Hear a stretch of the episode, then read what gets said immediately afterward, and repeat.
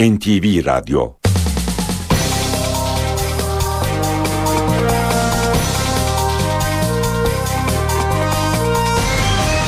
İşe giderken Mutlu sabahlar. Ben Aynur Altunkaş. Bugün 22 Mayıs Çarşamba işe giderken ne karşınızdayız. Saat 9'a kadar Türkiye ve dünya gündemindeki gelişmeleri, gazete manşetlerini, piyasa verilerini, yol ve hava durumlarını aktaracağız. İşe giderken gündemin öne çıkan başlıklarıyla başlıyor. Başbakan Erdoğan kendisini Beşar Esad'la kıyaslayan CHP lideri Kemal Kılıçdaroğlu'na bir kez daha tepki gösterdi ve yine yargıyı işaret etti. Kılıçdaroğlu ise geri adım atmadı.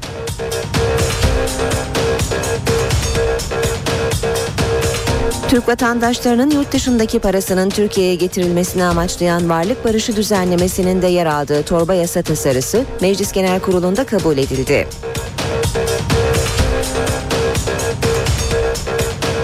Alkol ve sigara yasaklarını genişleten yasa teklifi Meclis Plan ve Bütçe Komisyonu'nda kabul edildi. Teklifin görüşmeleri sırasında CHP'li milletvekilleri komisyonda ayran dağıttı.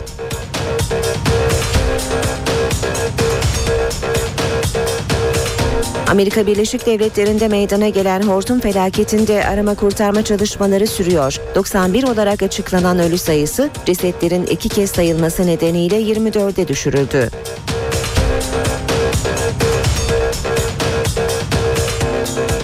Zira Türkiye Kupası bu akşam sahibini bulacak. Fenerbahçe ile Trabzonspor arasında Ankara 19 Mayıs Stadyumunda oynanacak final maçı saat 20.45'te başlayacak. İşe giderken gazetelerin gündemi.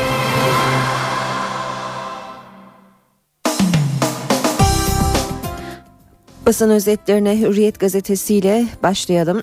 Hürriyet gazetesinde Gözümüze çarpan ilk başlık Hortum şehri yuttu. Ölü sayısı önce 51 sonra 91 diye açıklandı. Dün 24 oldu. Amerika Birleşik Devletleri'nin Oklahoma eyaletindeki Moore kasabasını vuran EF5 en şiddetli kategorisindeki hortum 55 bin nüfuslu yerleşimi dümdüz etti. Çoğunluğu çocuk en az 24 ölü var diyor Hürriyet gazetesi. Bir diğer başlık manşette hürriyette orman kanunu. Aile Bakanlığı'na bağlı yuva 2 ila 5 yaşındaki çocuklar korku içinde ağlarken beli silahlı orman muhafaza memurlarının müdahalesiyle tahliye edildi. Ormancılara yemekhane ve misafirhane yapmak için Antalya Orman Bölge Müdürlüğü'ne ait mülkteki okulu boşaltmaya gelen ekip mahkeme kararı yanlarında olmadığı için okula sokulmak istenmedi.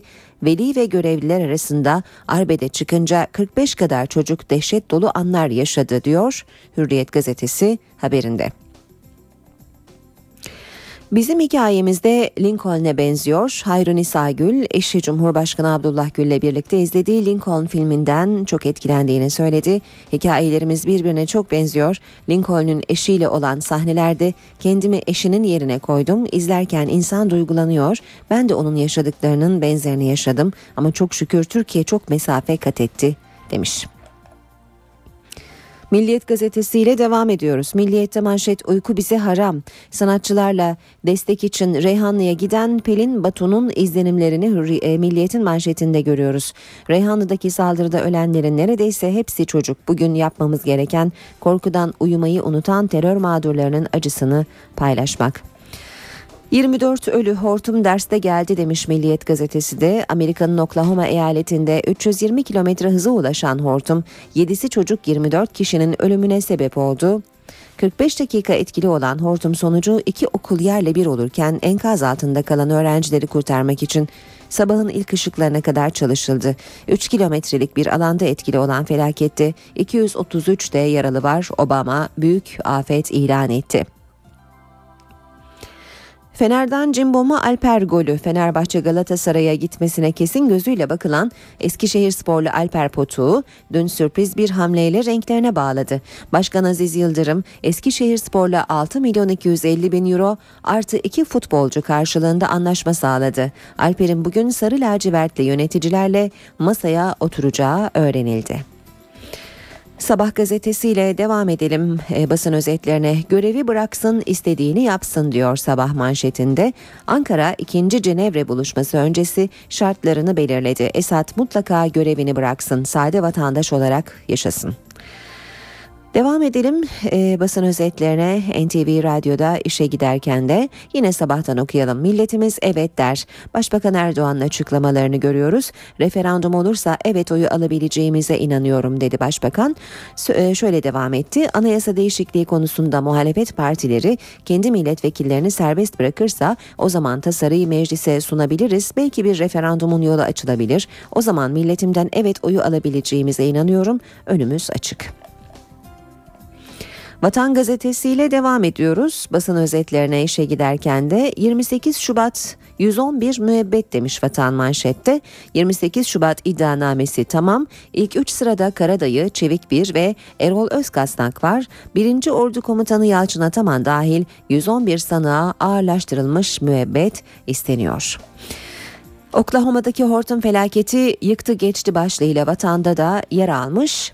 Amerika, e, Amerika dün 45 dakikalık felaketle sarsıldı. 320 kilometre hızla esen 3 kilometre genişliğindeki hortum Oklahoma'da ilkokul e, iki ilkokulun olduğu bölgede taş üstünde taş bırakmadı, evler, arabalar kağıt gibi yırtıldı diyor. Felaketin Türk görgü tanığı Duygu Noland arabalar bile havaya uçtu adeta cehennemi yaşadık diye anlatmış yaşadıklarını. Erken uyarı tartışması başlığı var yine vatanda. Felaketten 16 dakika önce bölgedeki iki okul uyarıldı ama minikler tahliye edilemedi. Aileler okula koştu. Radikalle devam ediyoruz. Yibolar kapanıyor diyor radikal manşette. Hükümet yatılı bölge okullarını kapatacak. Birinci gerekçe başbakanın üzerinde durduğu çocukların anne babalarından kopmaması. İkincisi örgütlenme ve propaganda. Türkiye'deki YİBO sayısı 470, YİBO'lardaki öğrenci sayısı 120 bin, YİBO'lardaki öğretmen sayısı ise 10 bin diyor Radikal haberinde. Devam edelim basın özetlerine Cumhuriyet'e geçelim. Emniyete aldılar demiş Cumhuriyet manşette. Yargıtay'ın kilit ismi Tuncel ile ilgili zamanlama yorumu polisin Dink cinayetiyle bağını perdeledi. Dink cinayetini adi bir çetenin işi şeklinde yorumlayan Yargıtay, Erhan Tuncel'in çeteye emniyet istihbarat elemanlığından ayrılmasından kısa süre sonra katıldığını savundu. Yargıtay'ın bu ince hesabıyla emniyetin cinayetteki kusur ve sorumluluk bağı koparılmaya çalışıldı denmiş haberin devamında. 10 gün gecikmeli önlem Yayla Dağı kapısı kapatıldı. Reyhanlı'daki saldırıdan sonra failler kaçmasın diye bir günlüğüne kapatılan Yayla Dağı sınır kapısı saldırının üzerinden 10 gün geçtikten sonra bir kez daha aynı gerekçeyle bir ay süreyle kapatıldı diyor Cumhuriyet haberinde.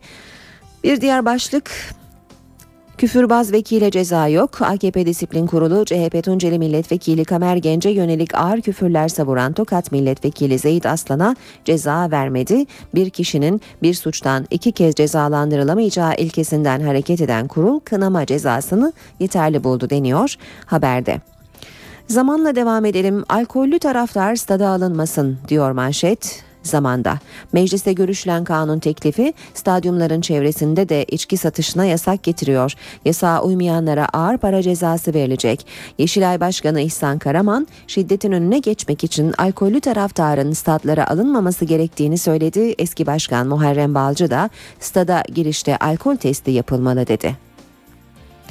Geçiyoruz Yeni Şafak'a. Yeni Şafak'ta manşet silindir gibi geçti. Oklahoma'daki hortum felaketine dair görüntü ve ayrıntılara Yeni Şafak da yer vermiş. Mutabakatta ilk adım diyor bir başka başlık. Başbakan Erdoğan ve Amerika Başkanı Obama'nın tam mutabakat sağladık dediği Suriye sorununun çözümünde yeni formül işlemeye başladı. Amerika Rusya'yı sürece dahil etmek için iknaya çalışırken Türkiye'de muhalifleri harekete geçirdi. Esad görüşmeler için heyet belirledi.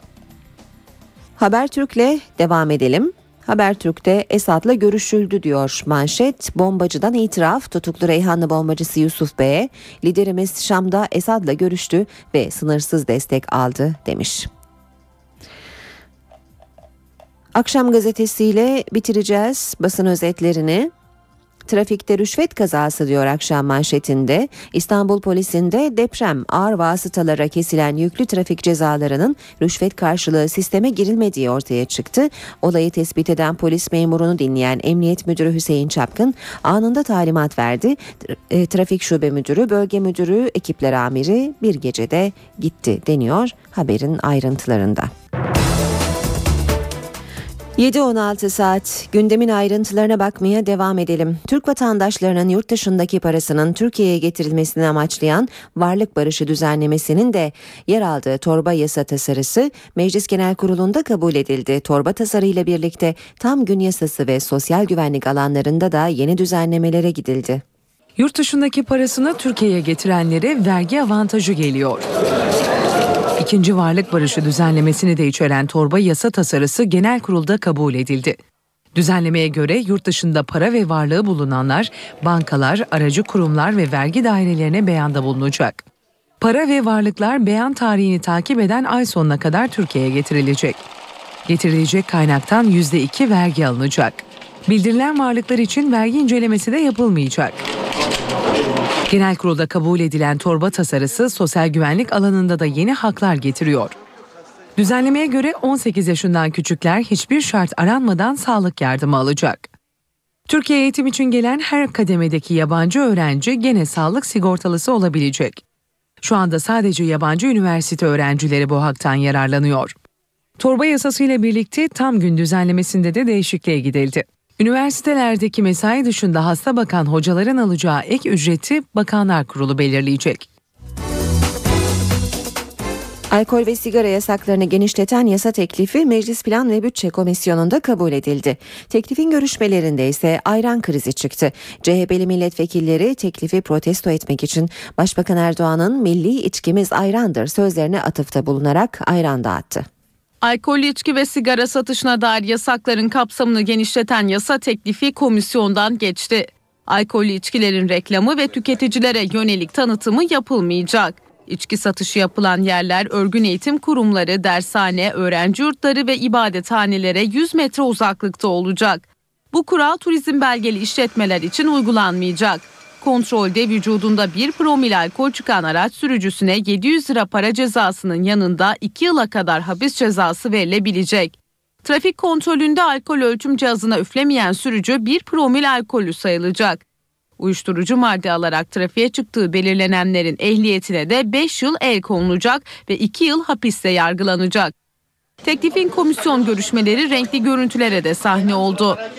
CHP milletvekilleri yasa teklifini Başbakan Recep Tayyip Erdoğan'ın milli içki olarak tanımladığı ayranla protesto etti. Teklifin 4. Murat yasakları getirdiğini söyleyen vekiller komisyon görüşmelerinde ayran dağıttı. Ancak ayran dağıtımı konuşmalar bölünüyor gerekçesiyle yine CHP'liler tarafından durduruldu. CHP'lilerin eleştirilerini teklif sahibi Süreyya Sadi Bilgiç yanıtladı. Burada alkol falan yasaklanmıyor. Hiç kimsenin demokratik hakkına, toplumsal yaşam hakkına asla bir tecavüz söz konusu değil. Burada temel nokta çocuklarımızın ve gençlerimizin alkolden ve bu kötü alışkanlıklardan e, korunmasını. İşe giderken Siyasetin gündeminde Başbakan Tayyip Erdoğan'ın Amerika'da yaptığı açıklamadan sonra başlayan 2014'te 3 sandık tartışması var. Başbakan Erdoğan Türkiye dönüşünde de bu konuda konuştu. Aynı başlık muhalefetin de gündemindeydi. Yeni anayasayla ilgili bir değişiklik söz konusu olması halinde o zaman tabii ki bir referandum açılabilir. Bununla ilgili de bir üçüncü seçim gündeme gelebilir. 2014'te yerel seçim, Cumhurbaşkanı seçimi ve anayasa referandumu için 3 sandık. Başbakan Recep Tayyip Erdoğan, Amerika ziyareti sırasında gündeme getirdiği konuyu dönüşünde de yorumladı. Konuyu bir olasılık olarak gündeme getirdiğinin altını çizdi. Böyle bir tarih tespitiyle değil de yani önümüzdeki yıl içerisinde eğer böyle bir şey parlamentoda kabul görürse 3 seçim olabilir. Cumhurbaşkanlığı konusu malum zaten gündemde onun tarihi belli. Burada herhangi bir şey söz konusu değil. E, yerel seçim onun da tarihi zaten şu anda e, belli. Üç sandık tartışması grup toplantılarının da gündemindeydi. CHP lideri Kemal Kılıçdaroğlu sert tepki gösterdi. Başkanlık sistemi Cumhuriyet Halk Partisi parlamentoda olduğu sürece asla ve asla geçmeyecektir. MHP'den ise özellikle referandum tartışmasına eleştiri geldi. AKP'nin aklında ve hedefinde meclisten kendi hazırladığı anayasayı BDP'nin işbirliğiyle geçirmek ve sonra da referanduma götürmek vardır. Şimdilik şunu herkes bilmelidir ki Milliyetçi Hareket Partisi yapılacak her seçime hazırdır. BDP AK Parti'ye başkanlık sisteminden vazgeçilmesi çağrısında bulundu. AKP'nin başkanlık sistemi meselesinden vazgeçmesi gerekir. Başbakan Tayyip Erdoğan Amerika dönüşünde kendisini Suriye Devlet Başkanı Beşar Esad'la kıyaslayan CHP lideri Kemal Kılıçdaroğlu'na bir kez daha tepki gösterdi. Yine yargıyı işaret etti. CHP lideri ise geri adım atmadı, yeni açıklamalar da yaptı. Kılıçdaroğlu'na cevabımı avukatların vasıtasıyla yargı ne diyorsa hukuk devleti içerisinde onunla şu anda arıyorum. Mahkemeye verecekmiş beni. O kadar mutlu oldum ki belki Türkiye'nin en hayırlı davası olacak. Esad'la kıyaslama tartışması yargı yolunda. Başbakan Recep Tayyip Erdoğan Amerika dönüşünde ayağının tozuyla konuyu değerlendirdi. CHP lideri Kemal Kılıçdaroğlu'na Avrupa Parlamentosu'nda yaptığı Esad kıyaslaması nedeniyle tepki gösterdi.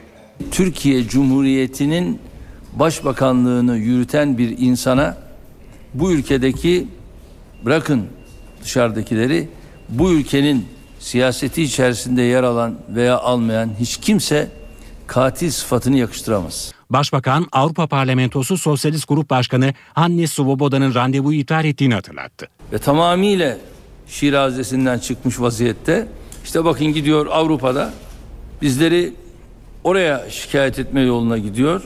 CHP Genel Başkanı Kemal Kılıçdaroğlu da grup toplantısında konuyu değerlendirdi. Kılıçdaroğlu geri adım atmadı. Recep Tayyip Erdoğan'ın Esad'dan hiçbir farkının olmadığını, al birini vur ötekine, sadece arada ton farkı olduğunu, CHP lideri Reyhanlı saldırısında da başbakanı sorumlu tuttu. bütün demokrasilerde o işin sorumlusu iktidardır ve onun başındaki adamdır. AK Parti Meclis Disiplin Kurulu Genel Kurul'da CHP Tunceli Milletvekili Kamer Gence küfreden Tokat Milletvekili Zeyid Aslan için işlem yapılmamasına karar verdi. AK Partili Aslan CHP'li Kamer Gence karşı kullandığı küfürlü ifadeler nedeniyle Genel Kurul'dan kınama cezası almış. Başbakan Yardımcısı Bülent Arınç da hangi haleti ruhiyeyle, hangi tepkiyle, hangi öfkeyle söylemiş olursa olsun Zeyid Aslan'ın sözleri kendisine de yakışmamıştır, partisine de yakışmamıştır. Alenen küfür ve hakaret içeren cümlelerdir diye tepki göstermişti. Aslan kendi partisinden de tepkiler üzerine partiden geçici ihraç talebiyle AK Parti Meclis Disiplin Kurulu'na sevk edilmişti. Ancak Disiplin Kurulu yaptığı görüşmede Zeyid Aslan için genel kurulun verdiği kınama cezası dışında ikinci bir işlem yapılmamasına karar verdi. İçişleri Bakanlığı'nın üniversitelerde özel güvenlik yerine koruma memurlarının görev yapmasına ilişkin kararına BDP'den tepki geldi. BDP eş başkanı Selahattin Demirtaş, hükümetin güvenlikten başka çözüm önerisi yok dedi. Demirtaş'a göre üniversitelerde yaşanan sorunun sebebi rektörler. Çok şükür. Zaten yeterince polis, jandarma yoktu. Çok şükür 10 bin koruma daha alınacak rahat edeceğiz. Ya memleketi zaten tümünü polise çevirdiniz. Güvenliğe çevirdiniz. En küçük sorunda akıllarına gelen tek çözüm yolu güvenlikçi çözüm yolları. Bunun dışında çözüm arayışı yok hükümet. Hükümetin üniversitelerin güvenliğini koruma memurlarıyla sağlayacak olmasına Barış ve Demokrasi Partisi'nden tepki geldi. Eş Genel Başkan Selahattin Demirtaş, üniversitelerdeki sorunun rektörlerden kaynaklandığını savundu. Üniversitedeki sorun öğrenci değildir bak. Üniversitedeki sorun rektörlüklerdir, yönetimlerdir. Onları değiştirin, bu kadar güvenlikçi almanıza gerek de yok.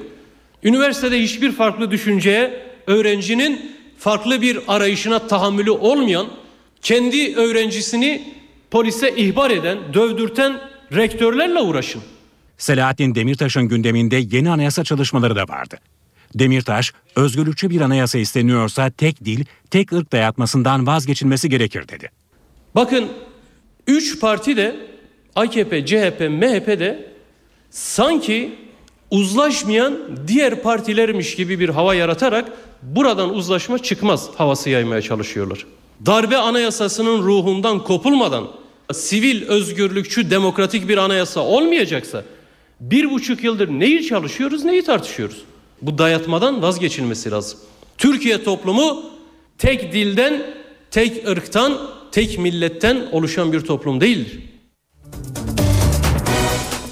Reyhanlı'da düzenlenen bombalı saldırılarla ilgili ayrıntılara da bakalım. Saldırılarla ilgili yürütülen soruşturma kapsamında toplamda 12 kişi tutuklandı. Konuyla ilgili açıklama yapan İçişleri Bakanı Muammer Güler 4 kişinin daha arandığını söyledi.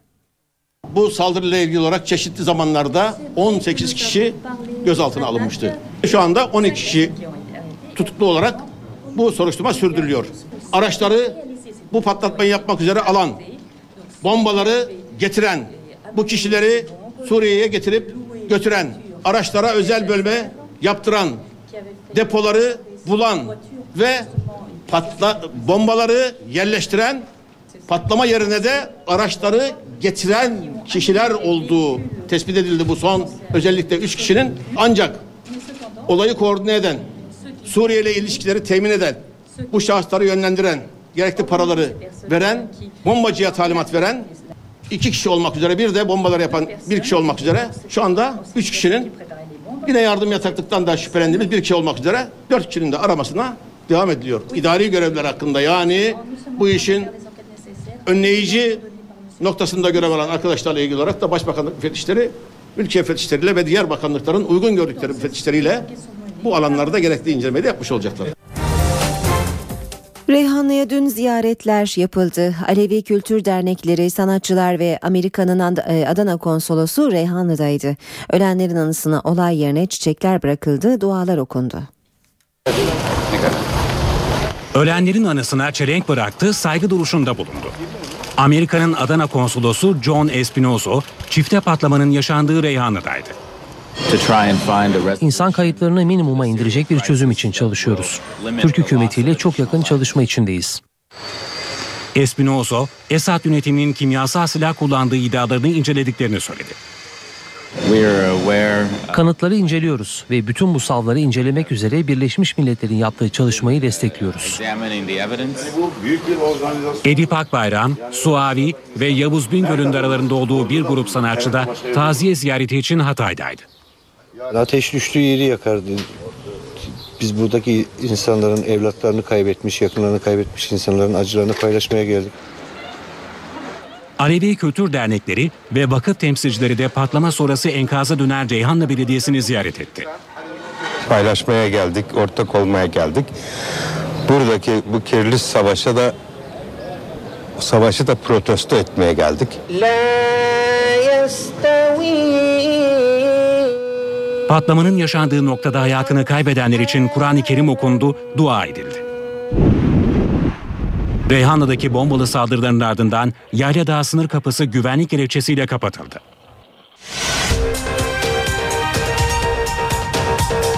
Başbakan Erdoğan kendisini Beşar Esad'la kıyaslayan CHP lideri Kemal Kılıçdaroğlu'na bir kez daha tepki gösterdi ve yine yargıyı işaret etti. Kılıçdaroğlu ise geri adım atmadı.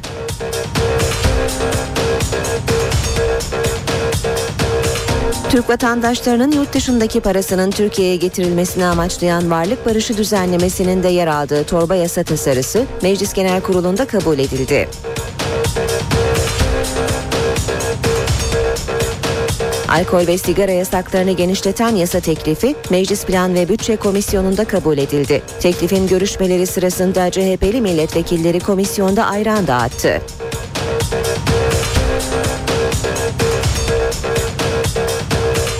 Amerika Birleşik Devletleri'nde meydana gelen hortum felaketinde arama kurtarma çalışmaları sürüyor. 91 olarak açıklanan ölü sayısı cesetlerin iki kez sayılması nedeniyle 24'e düşürüldü.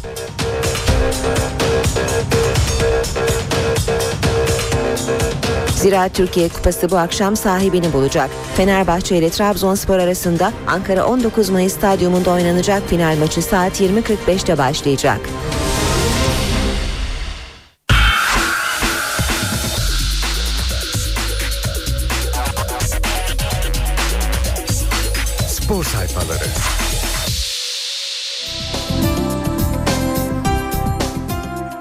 Basın özetlerine Milliyet gazetesiyle başlıyoruz. Spor haberleri okuyacağız gazetelerin spor sayfalarından.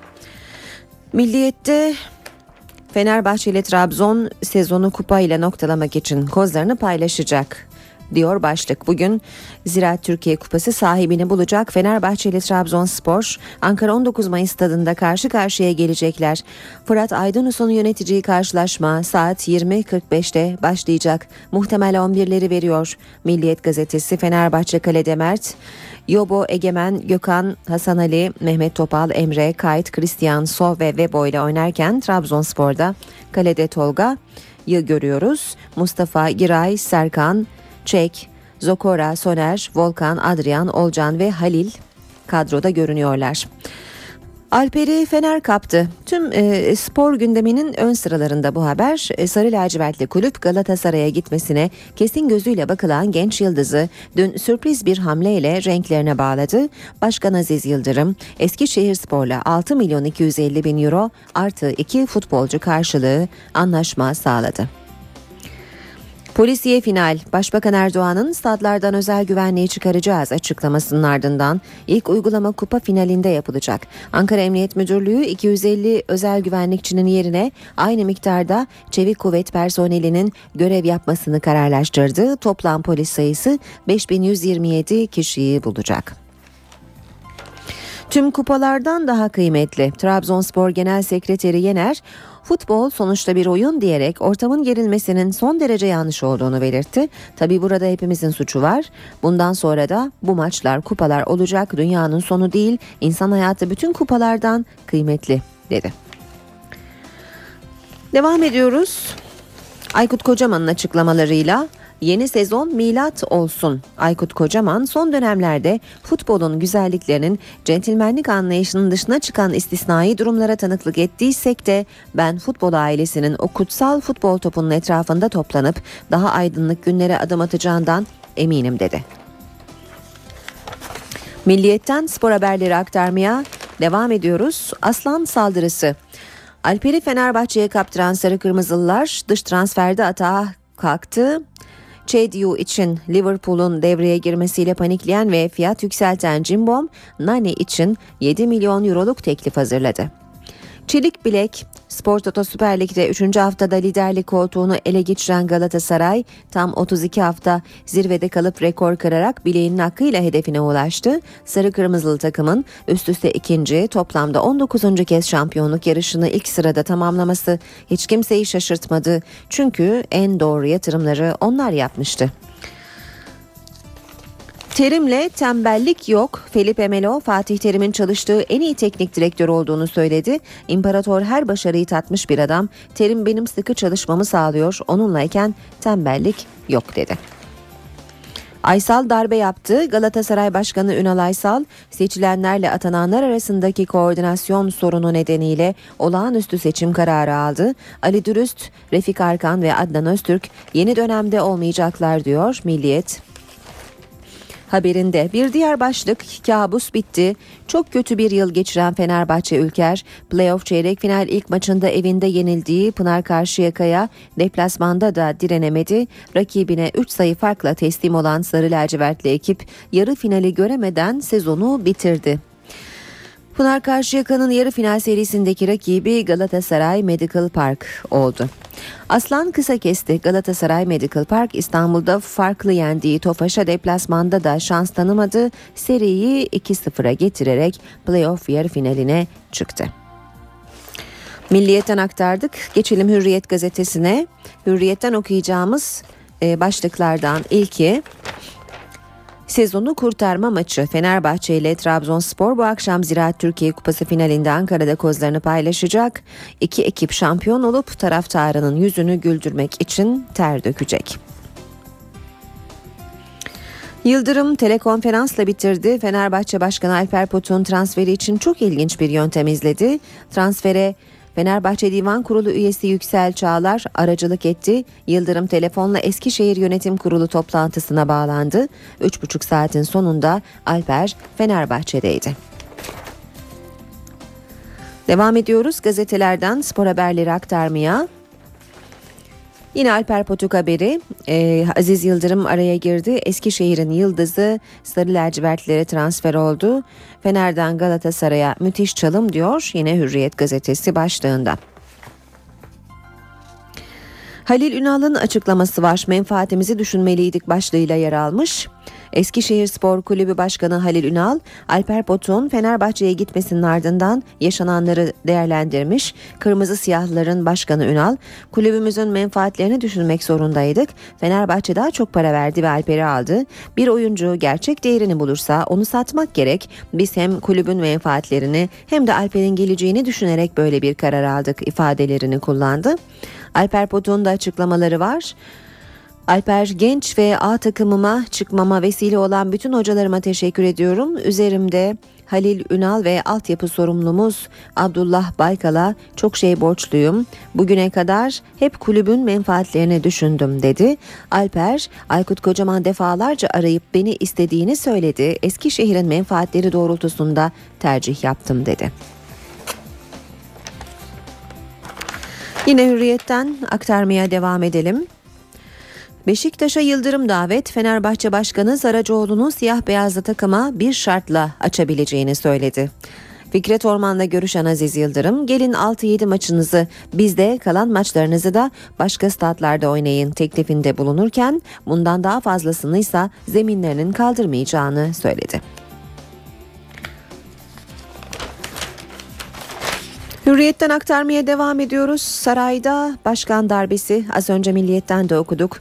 Ünal Aysal istedi, yönetim onayladı. Galatasaray yönetimi dün gerçekleştirilen toplantıda seçimli olağanüstü genel kurul yapılması kararı aldı. Yeni ikinci başkan Alp Yalman, Ünal Aysal'ın fikir ayrılığına düştüğü Ali Dürüst'ün yeni yönetim listesinde olmayacağı öğrenildi. Oynamadan birinci Çağlar Birinci'nin Galatasaray'daki istatistikleri dudak uçuklatıyor. Galatasaray formasını 3 sezonda sadece 18 kez giyebilen Çağlar aldığı parayla maddi kupalarla da ciddi bir manevi kazanç yaşadı. 3 sezonda 1245 dakika oynadı, 3 kupa sevinci yaşadı, 3 milyon lira kazandı. Evinin önünü temizleyeceksin. Kritik Türkiye Kupası finali öncesi Aykut Kocaman'dan fair play çağrısı. Fenerbahçe Teknik Direktörü bu gidişe dur demenin yolu rakiplere sataşmak değil, evinin önünü temizlemektir. Gelecek sezon hepimiz için bu anlamda bir milat olmalıdır diye konuştu. Devam edelim yine Hürriyet gazetesinden aktarmaya baş belası iyi ki gitti. Barcelona Başkan Yardımcısı Mourinho'nun gidişini böyle yorumladı. Villarrubi tecrübeli teknik adamın ayrılığı hakkında Mourinho bir baş belası olmuştu. İyi işleyen İspanya futbolu için olumsuz bir hava yaratmıştı yorumunda bulundu. Galatasaray e, gazeteler ayrılığı böyle buyurdu başlığını görüyoruz. İspanyol basınından e, bazı başlıklar şöyle. Tartışmalar sonunu getirdi. Özel biri gitti. Mourinho'ya yol göründü. Gerçek Mourinho dönemi sona erdi. Mourinho dışarı. Mu gerçek olamaz. Ya şimdi Jose. Chelsea'yi heyecan bastı. Mourinho'nun gelmesini dört gözle bekleyen Chelsea taraftarları dün gördükleri bir billboardla şaşkına uğradı. Deneyimli teknik adamın Chelsea formalı fotoğrafının altında özel biri ikinci kez geliyor ifadelerine yer veren bir şirket tamamen reklam amacıyla böyle bir işe imza attıklarını söyledi. Devam ediyoruz Hürriyetten spor haberlerine. Ormanın lider olma zamanı Fikret Orman daha güçlü ve tek yürek olmuş bir yönetimle yola çıkmalı. Samet Aybaba'nın Beşiktaş macerası sadece bir yıl sürdü. Yokluk yılında takımı üçüncü yapan Aybaba mı başarısız yoksa yönetiminin yarısını kaybeden Orman mı? Orman bundan sonra lider olmazsa hoca kim olur? Hoca kim olursa olsun sonuç alamaz. Bu değerlendirmeyi de aktararak bu bölümü noktalıyoruz. Türkiye ve dünya gündeminin öne çıkan başlıklarıyla devam edelim. İşe giderken. Bodrum'da 5 Rus rehberin sahte içkiden ölümüyle ilgili davada cezalar belli oldu. İçkiyi sattığı belirlenen 4 sanığa 83'er yıl, tekne sahipleri ve bir çalışana ise 7'şer yıl hapis cezası verildi. Bodrum'da sahte içkiden 5 turistin hayatını kaybetmesiyle ilgili davada karar çıktı. İçkiyi satan 4 kişiye 83'er yıl hapis cezası verildi.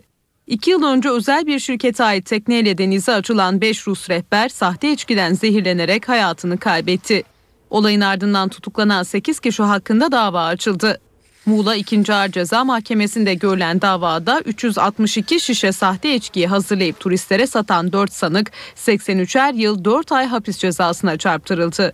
Teknenin iki sahibiyle bir çalışanı ise 7'şer yıl 6 ay hapis cezası aldı.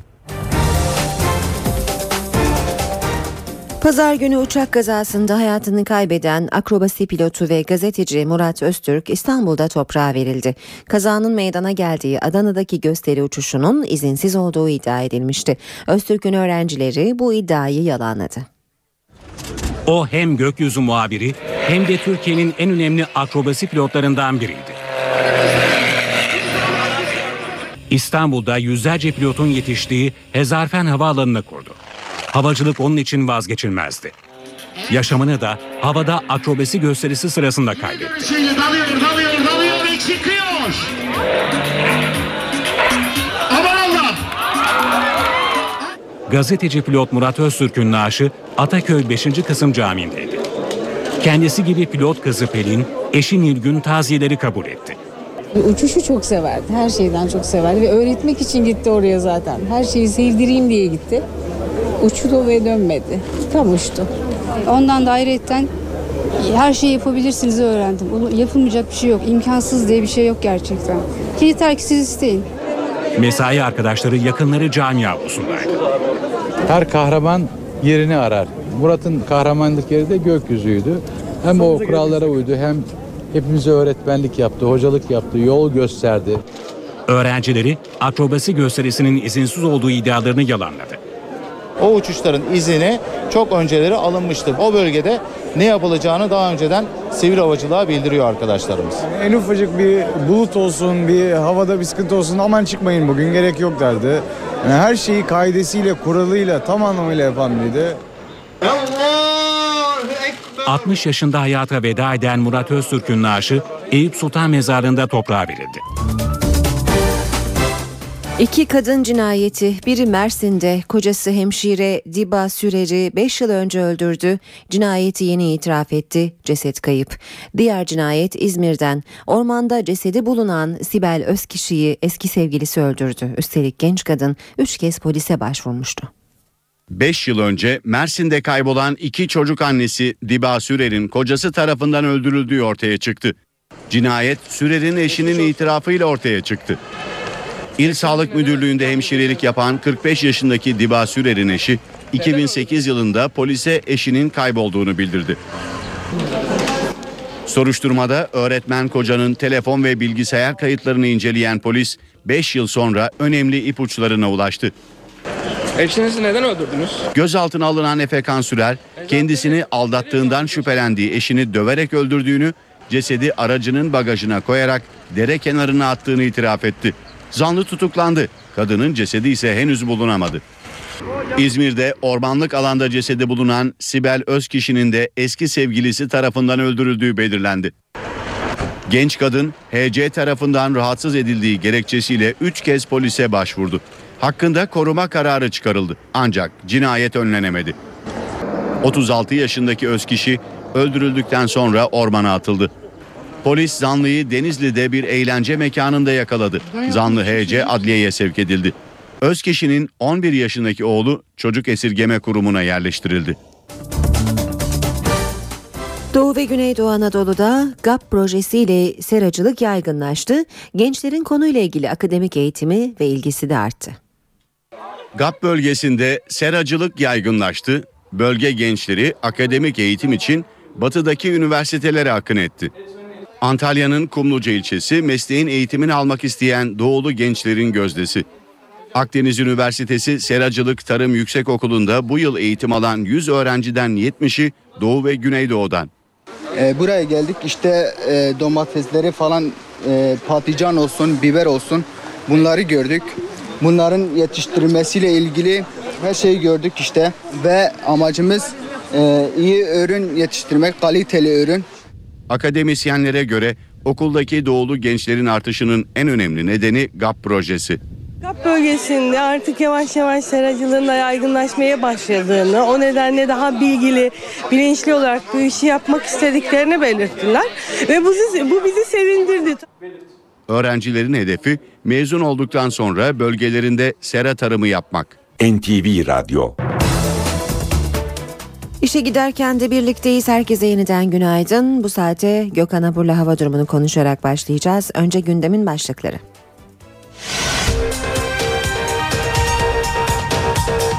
Başbakan Erdoğan kendisini Beşar Esad'la kıyaslayan CHP lideri Kemal Kılıçdaroğlu'na bir kez daha tepki gösterdi ve yine yargıyı işaret etti.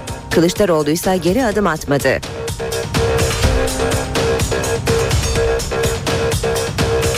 Türk vatandaşlarının yurt dışındaki parasının Türkiye'ye getirilmesini amaçlayan varlık barışı düzenlemesinin de yer aldığı torba yasa tasarısı Meclis Genel Kurulu'nda kabul edildi. Alkol ve sigara yasaklarını genişleten yasa teklifi Meclis Plan ve Bütçe Komisyonu'nda kabul edildi. Teklifin görüşmeleri sırasında CHP'li milletvekilleri komisyonda ayran dağıttı.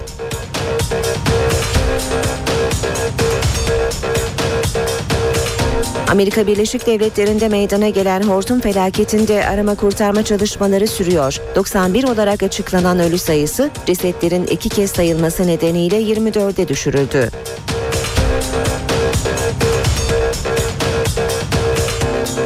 Zira Türkiye Kupası bu akşam sahibini bulacak. Fenerbahçe ile Trabzonspor arasında Ankara 19 Mayıs Stadyumunda oynanacak final maçı saat 20.45'te başlayacak.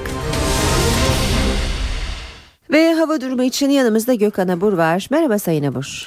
Merhaba günaydın. Bugün sıcak bir gün mü olacak? Evet sıcaklıklar yükselmeye devam ediyor. Bugün İç Anadolu bölgesinde de sıcaklıklar yükselecek. Marmara bölgesinde bugün yer yer 30 dereceye geçen sıcaklıklar var. Ege aynı şekilde Akdeniz'de 33-34'leri bulacak. İzmir bugün 33 dereceye kadar çıkacak.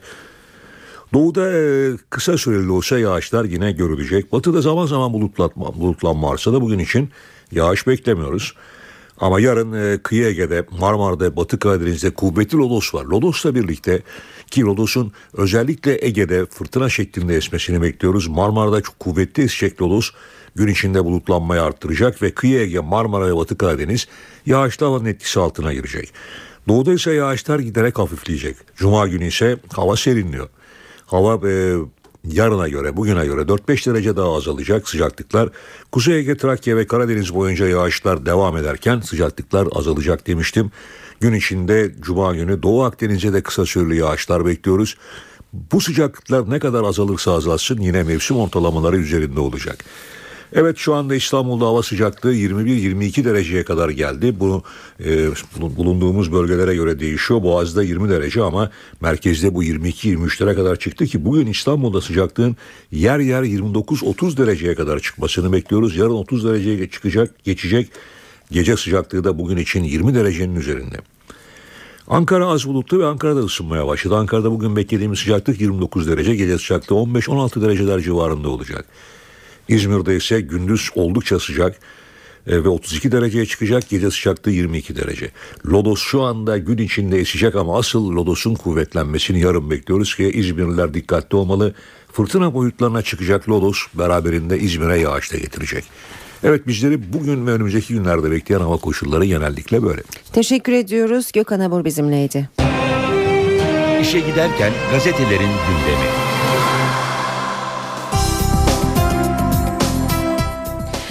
Gündemdeki gelişmeler bakalım gazetelere nasıl yansımış? Milliyet gazetesiyle başlayacağız. Milliyet uyku bize haram diyor manşette. Sanatçılarla destek için Reyhanlı'ya giden Pelin Batu'nun izlenimlerini görüyoruz.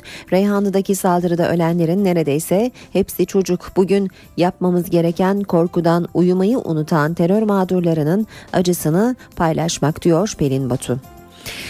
Hortum derste geldi. Amerika Birleşik Devletleri'nin Oklahoma eyaletinde 320 kilometre hıza ulaşan hortum 7'si çocuk 24 kişinin ölümüne sebep oldu.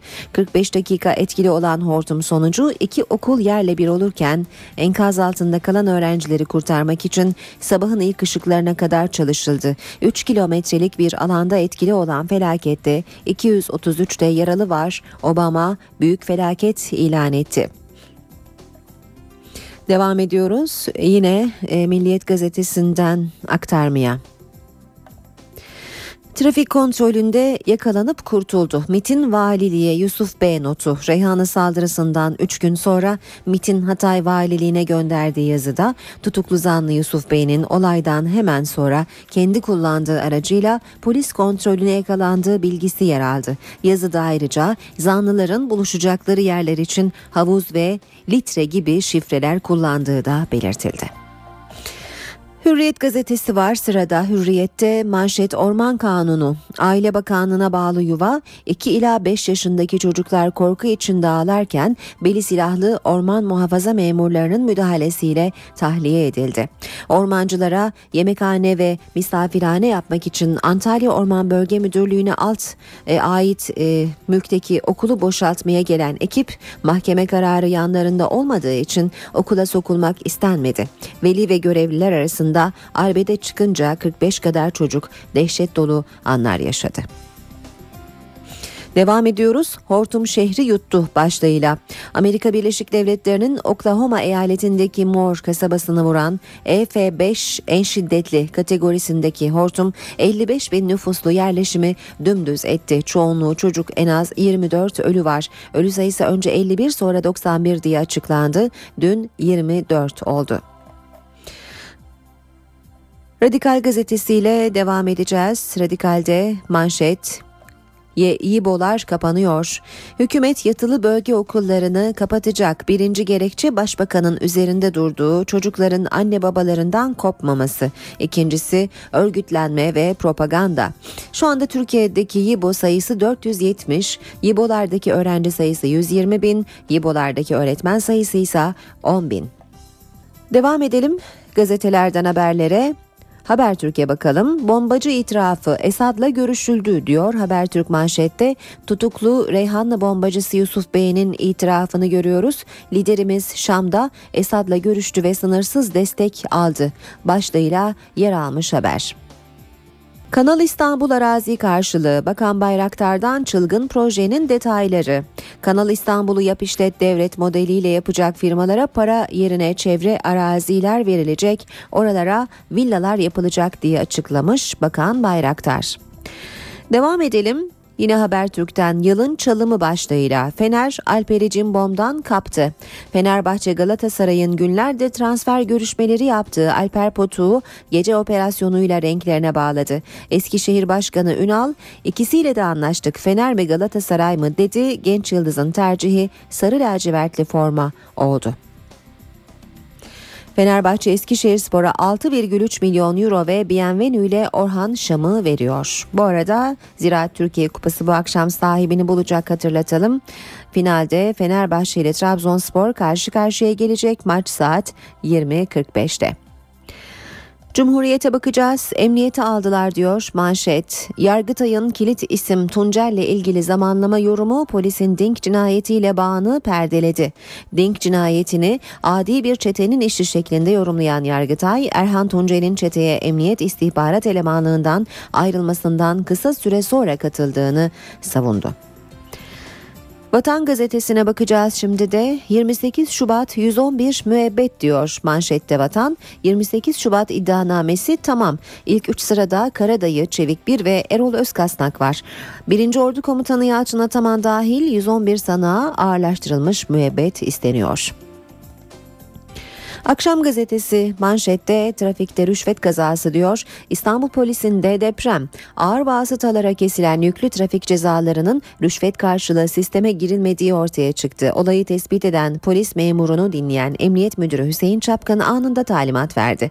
Trafik Şube Müdürü, Bölge Müdürü, ekipler amiri bir gecede gitti. Zaman gazetesi manşette alkollü taraftar stada alınmasın diyor. Mecliste görüşülen kanun teklifi stadyumların çevresinde de içki satışına yasak getiriyor. Yasağa uymayanlara ağır para cezası verilecek. Yeşilay Başkanı İhsan Karaman şiddetin önüne geçmek için alkollü taraftarın statlara alınmaması gerektiğini söyledi. Eski Başkan Muharrem Balcı da stada girişte alkol testi yapılmalı dedi. Geçiyoruz Yeni Şafak'a. Mutabakatta ilk adım. Diyor manşeti Yeni Şafak'ın. Başbakan Erdoğan ve Amerika Başkanı Obama'nın tam mutabakat sağladık dediği Suriye sorununun çözümünde yeni formül işlemeye başladı. Amerika Birleşik Devletleri Rusya'yı sürece dahil etmek için iknaya çalışırken Türkiye'de muhalifleri harekete geçirdi. Esad'sa görüşmeler için heyet belirledi. Sabahla bitiriyoruz basın özetlerini. Görevi bıraksın, istediğini yapsın diyor manşet. Ankara 2. Cenevre buluşması öncesi şartlarını belirledi. Esad mutlaka görevini bıraksın, sade vatandaş olarak yaşasın. Ankara gündemi.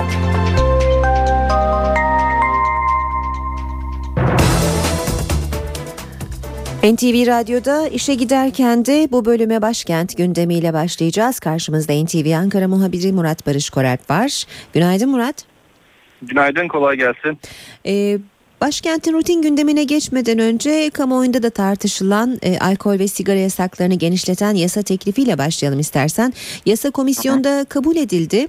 E, tabii renkli görüntüler de oldu mecliste görüşmeler sırasında. E, bize bu e, yasanın kapsamını anlatabilir misin önce? Hemen o bahsettiğiniz renkli görüntülere değinelim. CHP'li milletvekilleri 4. Murat yasakları olarak nitelendir, nitelendiriyor bu yasa teklifini. Onun için de tepki olsun diye komisyonda ayran dağıttılar. Başbakanın milli içeceğimiz ayrandır e, sözlerine gönderme yaparak. Peki yasa neleri kapsıyor? Kısaca ondan da bahsedelim. E, alkol ve sigara satışına ilişkin bazı maddeleri hafifletti aslında alt komisyon. İçkili yerler için okul, dershane, ibadethaneye 100 metre mesafe şartı konuluyor. Mevcut işletmeler içinse bu mesafe şartı uygulanmayacak. Üzerinde içki reklamı olan tabelalarda bir yıl içerisinde değiştirilecek bir geçiş hükmü yoktu çünkü yasanın ilk halinde. İçkilerin üzerine yazılacak sağlığa zararlı ve benzeri yazıların eklenmesi için de 12 ay süre tanınacak. Artık trafikte daha dikkatli, daha emniyetli araç kullanmak gerekiyor. Alkollü veya uyuşturucu etkisi altında trafiğe çıkan sürücüler hapisle cezalandırılacaklar çünkü teklifte yapılan değişikliklere göre bir promil alkollü araç kullanan sürücülere 700 lira para cezasının yanı sıra 2 yıla kadar da hapis cezası verilmesi kararı alındı. Teklif bu haliyle yasalaşırsa sürücü trafik kontrolünde alkol ölçüm affedersiniz trafik e, alkol ölçüm cihazına üflemezse bir promil alkollü sayılacak. Alkollü araç kullananların ehliyetine de 6 ay boyunca el konulacak. 5 yıl içinde ikinci kez alkollü araç kullananlara 877 lira para cezası veriliyor. Ayrıca ehliyetine de 2 yıl süreyle el konulacak. 3 veya daha fazla kez aynı durumda yakalanan sürücüye ise 1407 lira para cezası verilecek. Ehliyeti her seferinde 5'er yıllık süreyle alıkonulacak. Uyuşturucu olarak trafiğe çıktığı belirlenenlerin ehliyetine ise 5 yıl el konulacak. Ehliyetine 3600 lira para cezası var. Alkol gibi uyuşturucu araç kullan e, alarak araç kullananlar da 2 yıla kadar hapis cezasıyla yargılanmak üzere mahkemeye sevk edilecek. Ehliyetsiz araç kullananlara dair de bir hüküm var. Ehliyetsiz araç kullananlara verilen ceza 600 liradan 1407 liraya yani iki katından daha fazla bir meblağ çıkartılıyor. Kısaca böyle özetleyebiliriz yasa teklifinin kapsamını. Evet. Peki rutin gündeme geçelim. Hangi başlıkları takip edeceksiniz bugün? Evet bugün Cumhurbaşkanı Abdullah Gül Roketsan'ı ziyaret ediyor. Daha sonra da Nijerya eski devlet başkanıyla bir e, teması var. Başbakan Recep Tayyip Erdoğan, Suudi Arabistan Veliaht Prensi ve Belçika Başbakan Yardımcısıyla ayrı ayrı görüşecek. Daha sonra da akşam saatlerinde partisinin Merkez Karar Yönetim Kurulu toplantısına başkanlık edecek. Ana muhalefet cephesinde de benzer bir toplantı var. Cumhuriyet Halk Partisi Merkez Yönetim Kurulu Genel Başkan Kemal Kılıçdaroğlu başkanlığında toplanıyor. Gıda Tarım ve Hayvancılık Bakanı Mehdi Eker 2013-2017 stratejik planı, tarımın makro göstergeleri ve 2023 tarım vizyonunu bugün açıklıyor. Dünya Bankası Türkiye Direktörü Martin Reiser, Türkiye ekonomik dalgalanma boyunca iş gücü piyasalarının yönetimi raporunun tanıtım toplantısına katılacak. Son maddede spordan Ziraat Türkiye Kupası bu akşam sahibini buluyor. Fenerbahçe ile Trabzonspor Ankara 19 Mayıs stadyumunda karşı karşıya gelecek. Bakalım kupayı kim kaldıracak? Teşekkür ediyoruz Murat Barış Koralp. Kolay gelsin. İşe giderken. Meclis Çözüm Komisyonu PKK konusunda uzman Nihat Ali Özcan'ı dinledi. Toplantı öncesinde ise AK Parti Afyon Milletvekili Halil Ürün tövbe edeni affedelim sözlerine açıklık getirdi. Suç işlemiş ancak kimse görmemiş, kayıtlara geçmemiş e, insanlar için söylenmiş bir cümleydi. Suç işlediyse, kimse görmediyse, sadece Allah biliyorsa Allah'a tövbe etsin, Allah affetsin dedim ben. Çözüm Komisyonu AK Parti Milletvekili Ali Dürü'nün gündeme getirdiği tövbe eden affedilsin tartışmasının gölgesinde başladı. Ürün açıklamasının arkasında durdu, barış sürecinde geçmişte yaşanan acıların unutulması gerektiğini söyledi. Komisyon toplantısında PKK konusunda uzman Doktor Nihat Ali Özcan hem PKK'nın hem hükümetin stratejisi hakkında görüşlerini paylaştı. Çözüm sürecinde egemenliği paylaşmanın kaçınılmaz olduğunu söyledi. Örgüt faaliyetlerini, kapasitesini sınırlandır. Stratejik sekteye uğrat. Aynı zamanda halkın büyük kısmını yanına al. Örgütün beklentilerini dönüştür. Bu bağlamda egemenliği, otoriteyi paylaş. Yeni duruma uygun yapıyı müzakere ile sağla. Hükümet egemenliği paylaşmak istiyorsa güvenlik, iç politika, ekonomi, sosyal politika ve dış politika konularında bazı çalışmalar yapmalıdır. Bu çalışmalardan bazıları başlamıştır. Bu komisyonun kurulması da bunun göstergesidir. Özcan çözümün zaman alacağını belirterek bu nedenle PKK'nın sigortası silahtır dedi. Sürecin sonunda PKK veya Kürtlerin bölünebileceğini savundu. Komisyon üyesi Başbakanın Başdanışmanı Yalçın Akdoğan ise soruna köklü bir çözüm arandığını vurguladı. Bölgesel denklem, küresel çekişmeler, karşılıklı güvensizlik gibi riskler olabileceğini dile getirdi. Akil İnsanlar Komisyonu Akdeniz heyetinde yer alan sanatçı Kadir İnanır ilk kez canlı yayında çalışmalarını anlattı. NTV'den Sibel Atasoy'un özel röportajını dinleyelim. İlk defa Türkiye'de insanlar özgürce her istediklerini yüksek sesle bağırarak anlatabiliyorlar. İlk defa bu. İşin içerisine hiç siyasetçiler girmeden. Akil İnsanlar Akdeniz heyeti üyesi Kadir İnanır yaklaşık bir ay süren temaslarını NTV'ye değerlendirdi. Çözüm sürecinden beklentilerini anlattı. Beş aydır akmayan kan bir beş ay daha akmadığı zaman bir sonra bir yıl daha akmadığı zaman bütün bu kaygılar ortadan kalkacak. Çok güzel günler göreceğiz. Her şey çok güzel gidiyor. Ben e, bu işin içerisinde olmaktan çok mutluyum. Gerçekten söylüyorum bunu.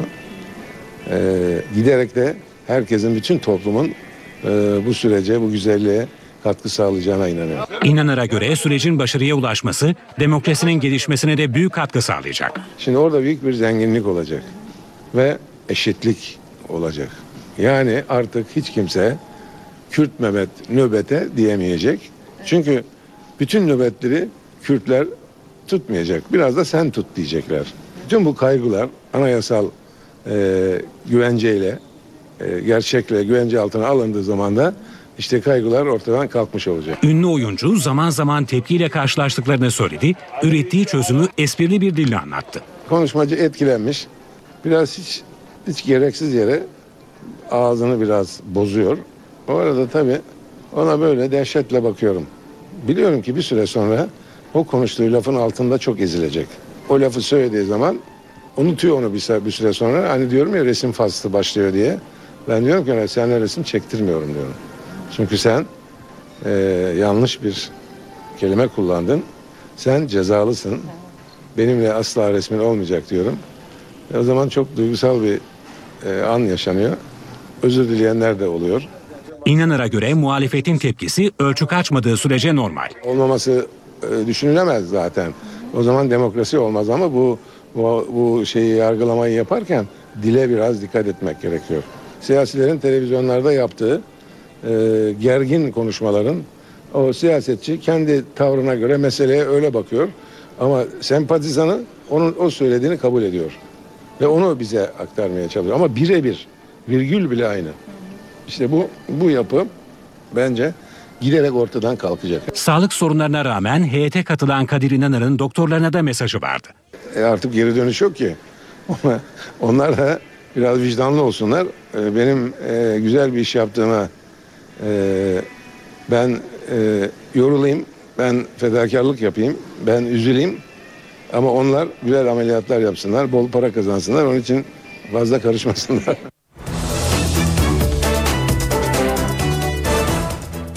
İş kadınları Diyarbakır'a yatırım yapmak için kolları sıvadı. AK Parti Kadın Kolları Genel Başkanlığı'nın projesiyle bir araya gelen kadınlar kenti gezerek hangi alanlarda yatırım yapılabileceğini araştırdı. Türkiye'nin dört bir yanından iş kadınları yatırım yapmak için Diyarbakır'ı gezdi. AK Parti Kadın Kolları Genel Başkanlığı'nın projesiyle bir araya gelen kadınlar ilk gün organize sanayi bölgesindeki fabrikaları ziyaret etti.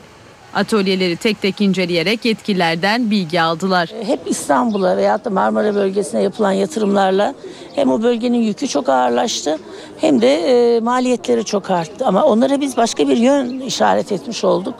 İkinci gün turizm alanında yapılması planlanan yatırımlar için tarihi yerler gezildi.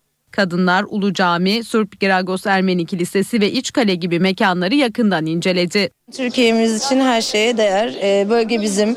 Ee, bizler bu bölgenin evlatlarıyız. Elbette ki genç girişimciyiz, kadın girişimciyiz. Bu konuda da gayretlerimizi göstereceğiz. Bölge çok bakir. Her şeye açık ve devletimizin çok güzel teşvik imkanları var. Niye olmasın, neden olmasın? Grup yatırım planlarıyla kentten ayrıldı. Borsa İstanbul 100 endeksi dün 1025 puan yükselerek 91.190 puandan kapandı. Bu sabah serbest piyasada dolar 1.84, euro 2.38'den işlem görüyor. Euro dolar 1.29, dolar yen 103 düzeyinde. Altının onsu 1377 dolar kapalı çarşıda. Külçe altının gramı 83, Cumhuriyet altını 561, çeyrek altın 139 liradan işlem görüyor. Brent petrolün varili 104 dolar. Başbakan Erdoğan kendisini Beşar Esad'la kıyaslayan CHP lideri Kemal Kılıçdaroğlu'na bir kez daha tepki gösterdi ve yine yargıyı işaret etti. Kılıçdaroğlu ise geri adım atmadı.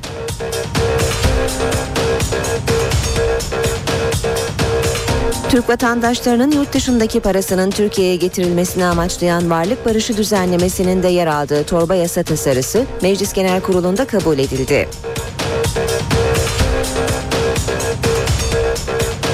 Alkol ve sigara yasaklarını genişleten yasa teklifi Meclis Plan ve Bütçe Komisyonu'nda kabul edildi. Teklifin görüşmeleri sırasında CHP'li milletvekilleri komisyonda ayran dağıttı.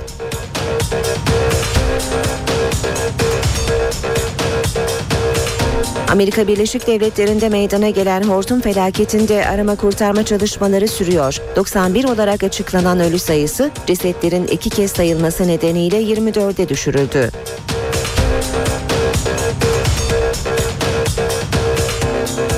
Zira Türkiye Kupası bu akşam sahibini bulacak. Fenerbahçe ile Trabzonspor arasında Ankara 19 Mayıs Stadyumunda oynanacak final maçı saat 20.45'te başlayacak.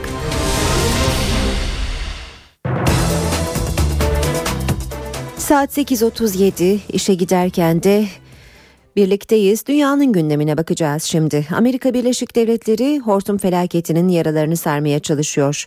Dün 91 olarak açıklanan ölü sayısı 24'e düşürüldü. Sağlık yetkilileri hatanın bazı cesetlerin iki kez sayılmasından kaynaklanmış olabileceğini söyledi. Uzmanlar Oklahoma'daki 55 bin nüfuslu Moore kasabasını vuran hortumun ortaya çıkardığı enerjinin 600 atom bombasına eşit olduğunu belirtti. Amerika'nın doğu kıyısının iç kesimlerinde de hortum alarmı verildi. Amerika Birleşik Devletleri'nin Oklahoma eyaletinde hortumun yerle bir ettiği Moore kasabasında olaya tanık olan Türkler de var. Duygu Noland da onlardan biri. Burası cehennem yeri gibi. Saat e, üç buçuk dört sıraları gibi başladı. 40 dakika kadar sürdü. E, çok fazla sayıda can kaybımız var. Hasta, bir hastanemiz yıkıldı. Briarwood Elementary yani Briarwood adındaki bir ilkokul, e, bir de daha başka bir Power Plaza diye bir ilkokulumuz yıkıldı. E, Plaza Power Plaza'da 20 tane ölümümüz var. E, Briarwood'da da şu an 20 kişi çıkarıldı ama henüz e, yer altında hala 21 çocuğun olduğu tahmin ediliyor. En son saat 5.30 sıralarında yardım isteğiniz yani yardım isteği sesini almışlar çocuklardan. Ondan sonra ses kesildi, ulaşılamadı. Bu an şu an burada elektrik, internet hiçbir şey mevcut değil. Bütün elektrik direkleri yerlerde, kablolar yerlerde. Çok zor durumdayız. 13 ee, senedir böyle bir hortum henüz görülmemiş. Ben burada 8 yıldır yaşıyorum. Ee, ben e, başka yani tam hortumun olduğu tam ana bölgede yaşıyordum. Ama bundan 50 gün önce kadar oradan taşındım. Ee, benim eski evim hepsi uçmuş durumda. Elektrik yok ee, ve şu an hava çok soğuk. Ee, saat beş buçuktan beri çok şiddetli bir yağmur ve gök gürültüsü hakim buraya. Onun için insanlar tekrar gelebileceği korkusundalar. Çünkü burada uyarı yapıldı ama nasıl yapıldı? Ha işte torna, tornado geliyor diye. Ama hani hiç kimse bu kadar ciddi olabileceğini düşünmedi açıkçası. Birleşmiş Milletler ve Arap Birliği'nin Suriye temsilcisi Lakhdar Brahimi, Suriye yönetimiyle muhalefetin Cenevre'de düzenlenmesi planlanan konferansa katılmak için hazırlandığını belirtti. Avrupa Birliği kaynakları Suriye Devlet Başkanı Beşar Esad'ın konferansa katılacak 5 kişiyi belirlediğini açıkladı. Ancak muhaliflerin bazı isimlere itiraz ettiği ve yönetimde ağırlığı olan kişilerin Cenevre'ye gelmesini istedikleri de kaydediliyor. Suriye Ulusal Koalisyonu eski lideri ve aynı zamanda muhaliflerin önde gelen isimlerinden Muaz El Hatip de rejimin gitmesini sağlayacak politik sürece dahil olmaktan çekinmeyeceklerini söyledi. Rusya ve Amerika Birleşik Devletleri Haziran ayı başlarında Şam rejimi ve muhaliflerinde katılacağı uluslararası bir konferans düzenlemeyi planlıyor. İran'da 14 Haziran'da yapılacak Cumhurbaşkanlığı seçimleri öncesi Tahran'daki Anayasayı Koruma Konseyi'nden bir karar çıktı. Eski Cumhurbaşkanı Haşimi Rafsanjani'nin adaylık başvurusu reddedildi. Reformcu bir isim olarak bilinen Haşimi Rafsanjani'nin yanı sıra Cumhurbaşkanı Mahmut Ahmedinejad'ın güvendiği isimlerden İsfendiyar Rahim Meşai'nin adaylık başvurusu da başvurusuna da izin çıkmadı. Sadece dini lider Ayetullah Ali Hamane'ye yakın 8 adayın seçime girmesine izin verildi. Hamane'in konseyin kararını bozma hakkı bulunuyor. Seçimde yarışacak adaylar arasında Hamane'in desteğini aldığı söylenen Sayit Celili öne çıkıyor. İran'ın nükleer görüşmelerini yürüten Celili dini lider Hamane'ye bağlılığıyla tanınıyor. İsveç'in başkenti Stockholm'de 69 yaşında bir göçmen polis tarafından öldürüldü. Olayı protesto edenlerse iki gündür sokaklarda. İsveç'in başkenti Stockholm'de sokaklar karıştı. Kentin kuzeyindeki Husby bölgesinde 69 yaşında bir göçmenin polis tarafından öldürülmesi göçmen gençler ve polisleri karşı karşıya getirdi. Maskeli gençler polislere taşlar fırlattı. Bazı araçları ateşe verdi. Çok sayıda binanın da camları kırıldı. Yaralananların doğduğu olaylarla ilgili 4 kişi gözaltına alındı. Bölgeye çok sayıda polis gönderildi. Sabah buraya gelip bunları görmek korkunç. İnsan ağlamak istiyor. Stockholm'de olaylar pazar günü başlamış, onlarca maskeli genç bazı araçlarla bir okula ateşe vermişti. 11 bin kişinin yaşadığı Uzbi'de nüfusun %80'ini göçmenler oluşturuyor. Fransa'da eşcinsel evliliklere izin veren yasa aşırı sağcı bir tarihçinin tepkisine neden oldu. Ancak tepkinin şekli bu sefer ne bir gösteri ne de bir grevdi. Fransız tarihçi tepkisini göstermek için intiharı seçti. 78 yaşındaki tarihçi Notre Dame Katedrali'nde kendisini öldürdü. Fransa'da eşcinsel evliliklere izin veren yasa ülkenin gündemine oturan bir intihara neden oldu. Fransız tarihçi Dominique Werner, Paris'in simgelerinden Notre Dame Katedrali'nde intihar etti. Polis aşırı sağcı görüşleriyle bilinen 78 yaşındaki Werner'in üzerinde bir intihar notu buldu. Notun içeriği henüz açıklanmadı ancak çok sayıda kitabı bulunan Werner kendi internet sitesinde hayatına son vereceğini ima eden bir yazı yazmıştı. Werner bu yazıda eşcinsel evlilikleri protesto için Fransızları sokağa dökülmeye çağırıyordu. Werner'in intiharı ile ilgili ilk tepki aşırı sağcı Fransız politikacı Marine Le Pen'den geldi. Le Pen Twitter'da yayınladığı mesajda bu intiharın Fransız halkını uykusundan uyandırmak için düzenlenmiş politik bir eylem olduğunu yazdı. Parisliler ise şaşkın. Notre Dame her gün birçok insanın ziyaret ettiği tarihi bir mekan. Bir adam içeri giriyor ve kendini öldürüyor. Bu kimsenin hafızasından kolayca silebileceği bir olay değil. Cumhurbaşkanı François Hollande'ın onayının ardından Fransa eşcinsel evliliklere izin veren 17. ülke olmuştu. Bu yıl Türkiye'nin katılmadığı Eurovision şarkı yarışması ile ilgili tartışmalar sürüyor. Azerbaycan ve Rusya oylama sonrası birbirine girdi. Rusya Azerbaycan hakkımızı yedi diyor. Azerbaycan ise oyların çalındığı iddiasında bulunuyor. Azerbaycan. Azerbaycan. Rusya ve Azerbaycan arasında Eurovision gerginliği var. 58. Eurovision şarkı yarışmasında Danimarka'nın ardından ikinci olan Azerbaycan ve 5. Rusya arasında oylama tartışması yaşanıyor.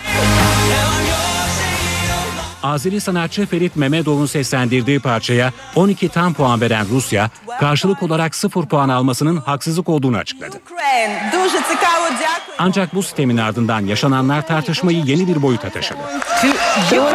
Zira Azeri Telekom şirketinin kayıtları halk oylamasına göre Rusya'nın Azerbaycan'dan 10 puan alması gerektiğini gösteriyor. Gözler Rusya'ya 0 puan açıklayan Azeri devlet televizyonuna çevrilirken Bakü yönetimi olayla ilgili soruşturma başlattı. Konu Moskova'da bir araya gelen iki ülkenin Dışişleri Bakanlarının da gündemindeydi. Bu iş bir dedektiflik hikayesine döndü. Azeri Telekom şirketinden gelen oylama sonuçlarına göre Ukrayna birinci, Rusya ise ikinci sırada.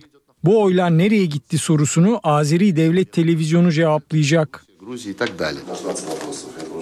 Э, Участницы, э, это не радует. 10 puanımız çalındı. Bu kimsenin hoşuna giden bir şey değil. Mevkidaşınla da anlaştığımız üzere bir açıklama bekliyoruz. С Альмаром Магерамовичем Но Робин его там обскакал. Yarışmada puanlama halk oyu ve ülke jürisinden gelen oyların toplamıyla yapılıyor. Türkiye'nin puanlama sisteminde haksızlık yapıldığı iddiasıyla bu yıl katılmadığı yarışmada Azerbaycan Devlet Televizyonu'nun yapacağı açıklama merakla bekleniyor.